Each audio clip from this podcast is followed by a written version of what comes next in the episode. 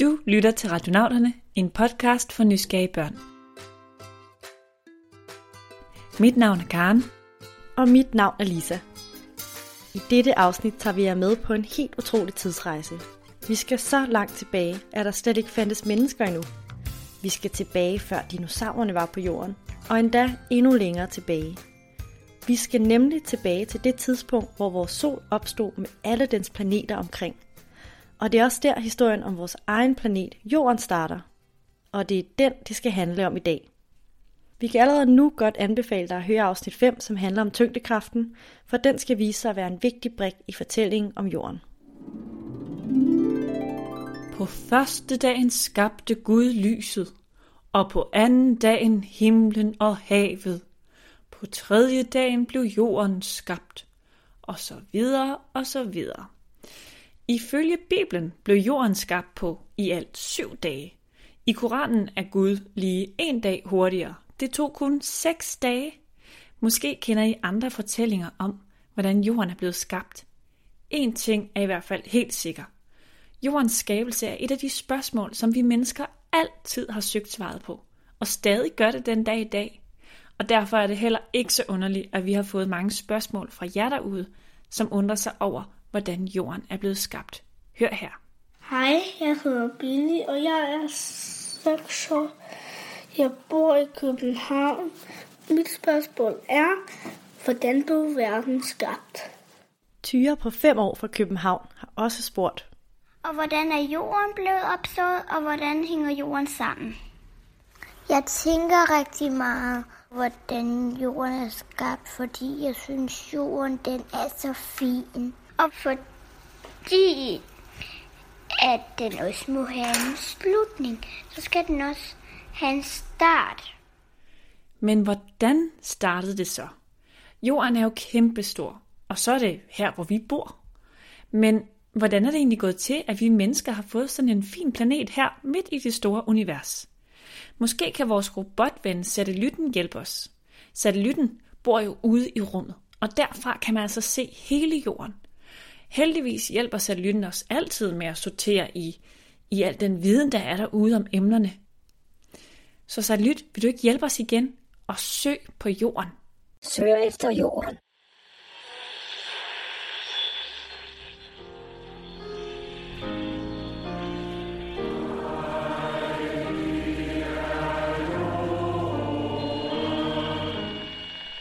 Hold da op. Det er en planet på størrelse med Mars på vej lige mod jorden. Pas på!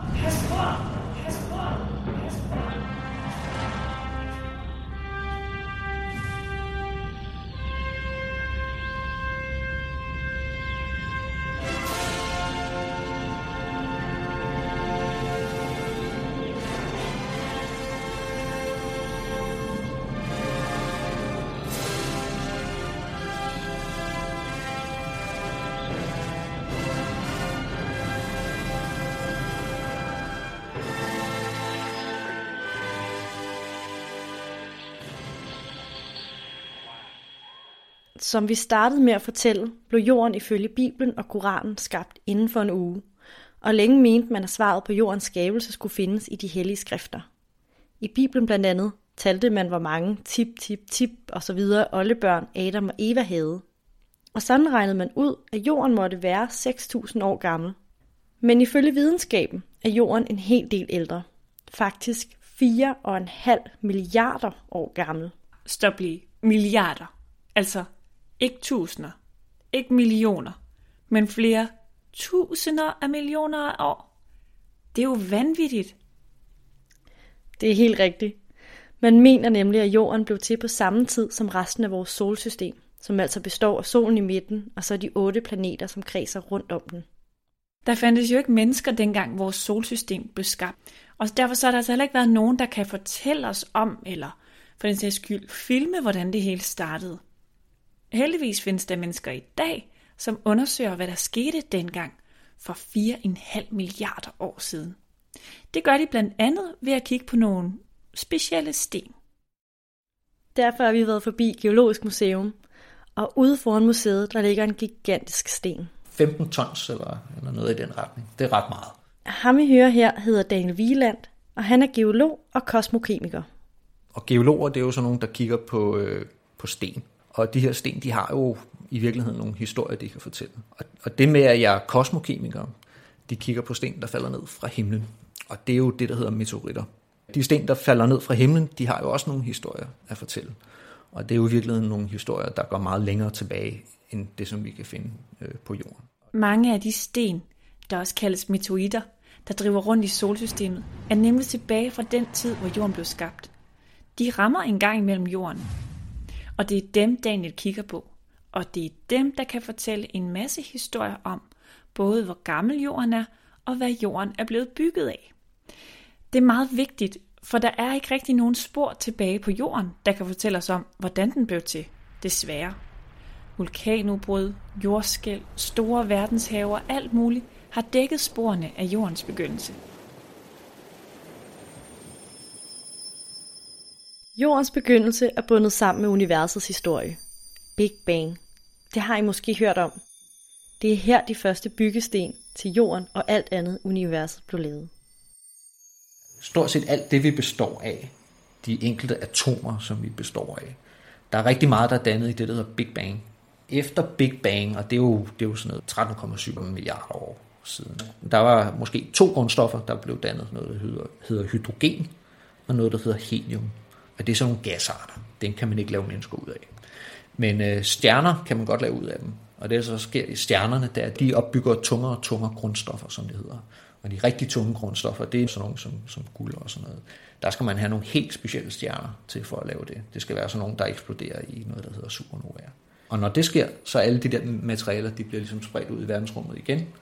Og så kan de indgå i flere nye stjerner og nye solsystemer. Og det er altså her, vores rejse begynder.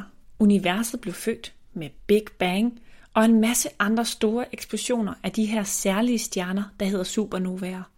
De eksploderede stjerner spreder materiale ud i universet, som kan blive til nye stjerner og nye solsystemer. Det er lidt ligesom et genbrugssystem. Nu er vi så heldige, at satellitten vil tage os med på en rumrejse tilbage i tiden. Cirka 4,5 milliarder år tilbage, da jorden blev født. Så er der afgang. Vi indstiller lige tidsmaskinen til at flyve os 4.550 millioner år tilbage.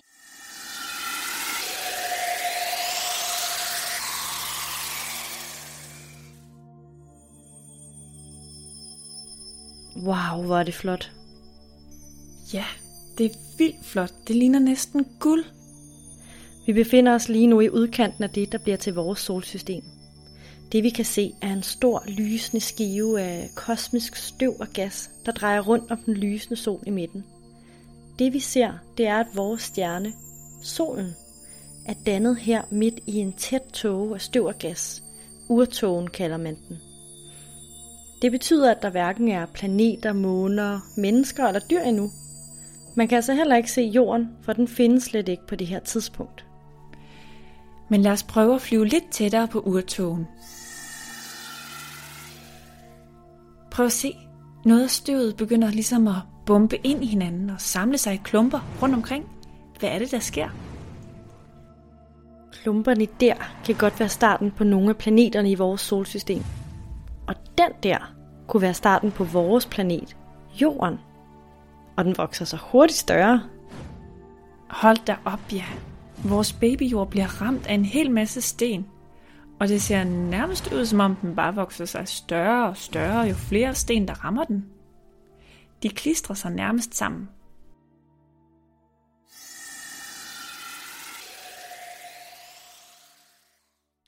Hold op, en vild rejse. I urtogen blev der altså dannet nogle klumper af sten. De her klumper voksede sig større og større, fra bitte små til på størrelse med huse. Og jo større de blev, jo større blev deres tyngdekraft.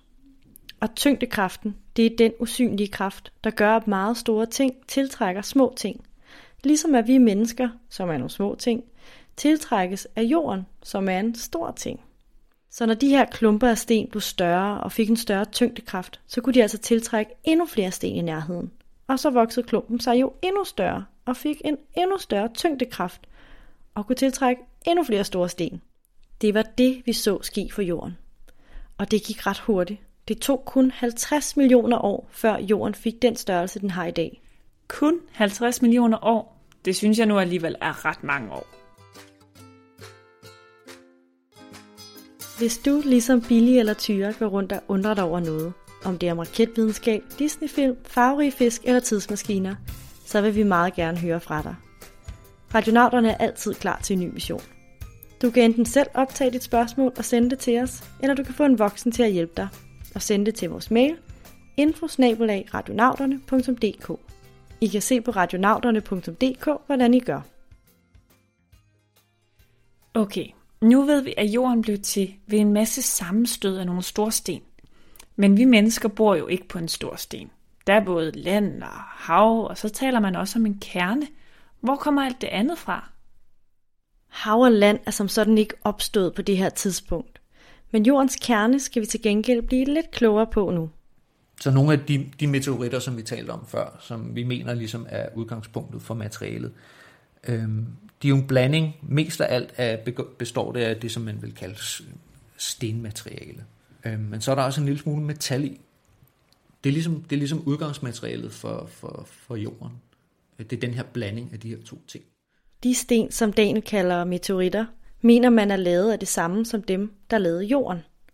Og de bestod altså af noget stenmateriale, men også af en smule metal, blandt andet jern. Så Lytten, kan du ikke tage os med tilbage til vores unge jord? Måske bare et par millioner år senere? Det kan I tro. Så er der afgang. Denne gang sætter vi kalenderen 4.510 millioner år tilbage.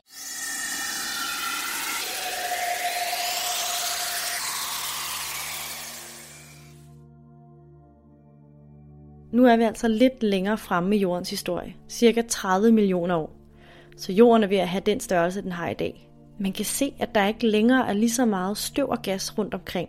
Det er enten blevet fanget af jorden eller af nogle af de andre planeters tyngdekraft. Men jorden ser stadig meget anderledes ud, end den gør i dag. Den er jo sådan rødglødende. Det ligner, at den er dækket af flydende lava. Her kan der i hvert fald ikke bo mennesker. Nej. Og det er faktisk fordi, at den er helt vildt varm. Så varm, at alle stenene og de metaller, de består af, er smeltet. Og når alt det her smelter i varmen, så vil metallet synke ind i midten af den runde planet, mens alt stenmaterialet lægger sig på overfladen. Og det er derfor, at jorden har en kerne af metaller, som den dag i dag stadig er mega varm. Næsten 4.000 grader varm. Sejt. Så langt, så godt. Vi har altså nu en jord, som er nogenlunde den størrelse, den har i dag. Og den har en kerne. Men øh, så er der bare lige den her detalje med, at der er flydende lava på overfladen. Ja, og det er altså stadig et meget voldsomt sted. Der er masser af vulkanudbrud og, og de her store meteoritter, der slår ned overalt. Og se der! Hold da op. Det er en planet på størrelse med Mars, på vej lige mod jorden. Pas på!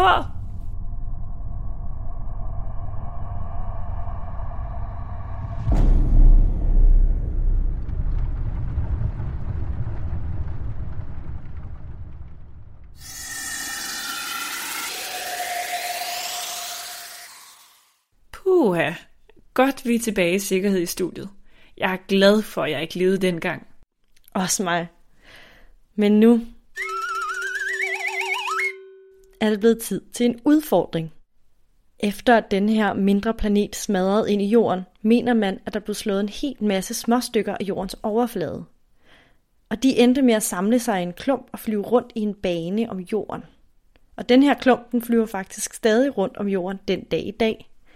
Ved du, hvad man kalder den klump? Er det satellitten? Så gammel er jeg altså heller ikke. Nej, det er noget lidt større end satellitten. Man kan se den stort set hver dag. Nogle gange er den hel, andre gange er den halv. Men I kan jo tænke lidt over det, så vender vi tilbage med svaret senere. Nå, satellitten, kan du ikke tage os tilbage i tiden igen? Der er stadig noget vigtigt, vi mangler at få afklaret. Der var nemlig en lang periode, hvor jorden var varm, smeltede og blev bombarderet af de her meteoritter udefra. Men vi vil gerne tilbage til den gang, hvor det land, vi bor på, og havene, de blev skabt. Jo da, så er der afgang. Denne gang indstiller vi tidsmaskinen til at tage os 4.300 millioner år tilbage.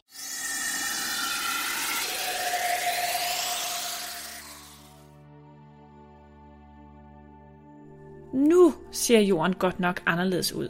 Man kan se, at overfladen har fået en slags skorpe, men der er også kommet tåge og regn måske endda. Og der er i virkeligheden sindssygt meget vand på jorden. Hvor er alt det vand kommet fra? Man mener, at vandet er kommet sammen med alle de sten, som jorden er bygget af, og der bare har været en lille bitte smule vand i hver sten. Men efter millioner af år og millioner af sten, har der været nok vand til at fylde vores have og vores søer, floder og åer. Mange begge små gør en stor å, som man siger. Det er rigtigt. Men det vil faktisk sige, at vandet er kommet med de sten, som jorden er blevet bygget af. Så vandet er meget gammelt. Det er altså enormt vildt det der. Tænk, at vandet er lige så gammelt som jorden, og at jorden bare er lavet af de her meteoritter og alt, hvad der var i dem. Nu har vi set, hvordan jorden er blevet skabt, og hvordan den kredser rundt om solen. Indeni har den en kerne, og uden på en overflade, en skorpe, hvor der er vand og land. Men når jeg kigger mig omkring i dag, så ser jeg mennesker og dyr og en masse planter. Mangler vi ikke lige at få opklaret, hvordan livet på jorden opstod? Jo, det gør vi sådan set. Og det er et meget stort spørgsmål. Og igen en af de helt store gåder for forskerne. Man ved det nemlig ikke helt med sikkerhed endnu. Der er jo ikke landet hele mennesker på jorden, øh, sådan med, afleveret med meteoritter eller noget lignende. Men det kan jo sagtens være, at der har været noget, nogle meget simplere livsformer, sådan noget som vi kalder bakterier. De er ikke særlig øh, øh, komplicerede at, at, at lave, og de kan overleve nogle ret ekstreme forhold.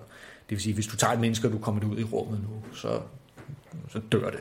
Der skal rumdragter til. Bakterier og sådan noget, de kan måske godt overleve inde i, for eksempel du har en stor øh, meteorit, så måske lidt inde i midten af, øh, inde i midten af sådan en lidt større en af dem.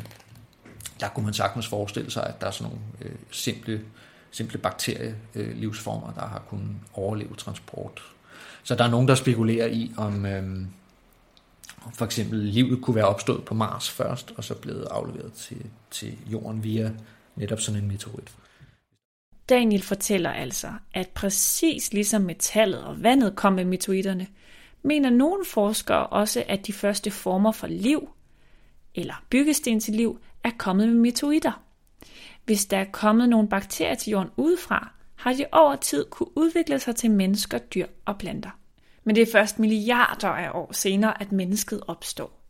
Menneskets historie er kun en lille bitte, bitte, bitte, bitte brøkdel af jordens historie. Og det hører til et helt andet ret afsnit. Men Lisa, nu må vi altså snart få opklaret udfordringen. Hvad var det der, der begyndte at kredse rundt om jorden, den blev ramt af en anden planet? Det, der begyndte at kredse rundt om jorden, og stadig gør det den dag i dag, det er selvfølgelig månen.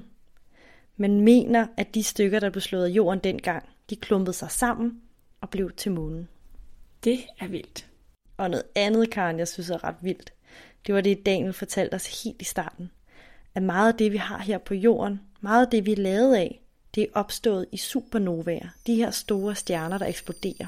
Ja, på den måde kan man i virkeligheden sige, at vi alle er lavet af stjernestøv. Den tanke kan jeg godt lide. Men med det bliver vi desværre nødt til at lukke og slukke for denne gang af radionauterne. Vi håber, I har haft det lige så fedt som os med at være med på en rejse ufattelig langt tilbage i tiden. Vi glæder os også til at høre mere fra jer, så send os endelig jeres spørgsmål og tegninger og historier. Og husk, at I kan altid finde os på vores hjemmeside radionauterne.dk og på Facebook. Tak fordi I lyttede med.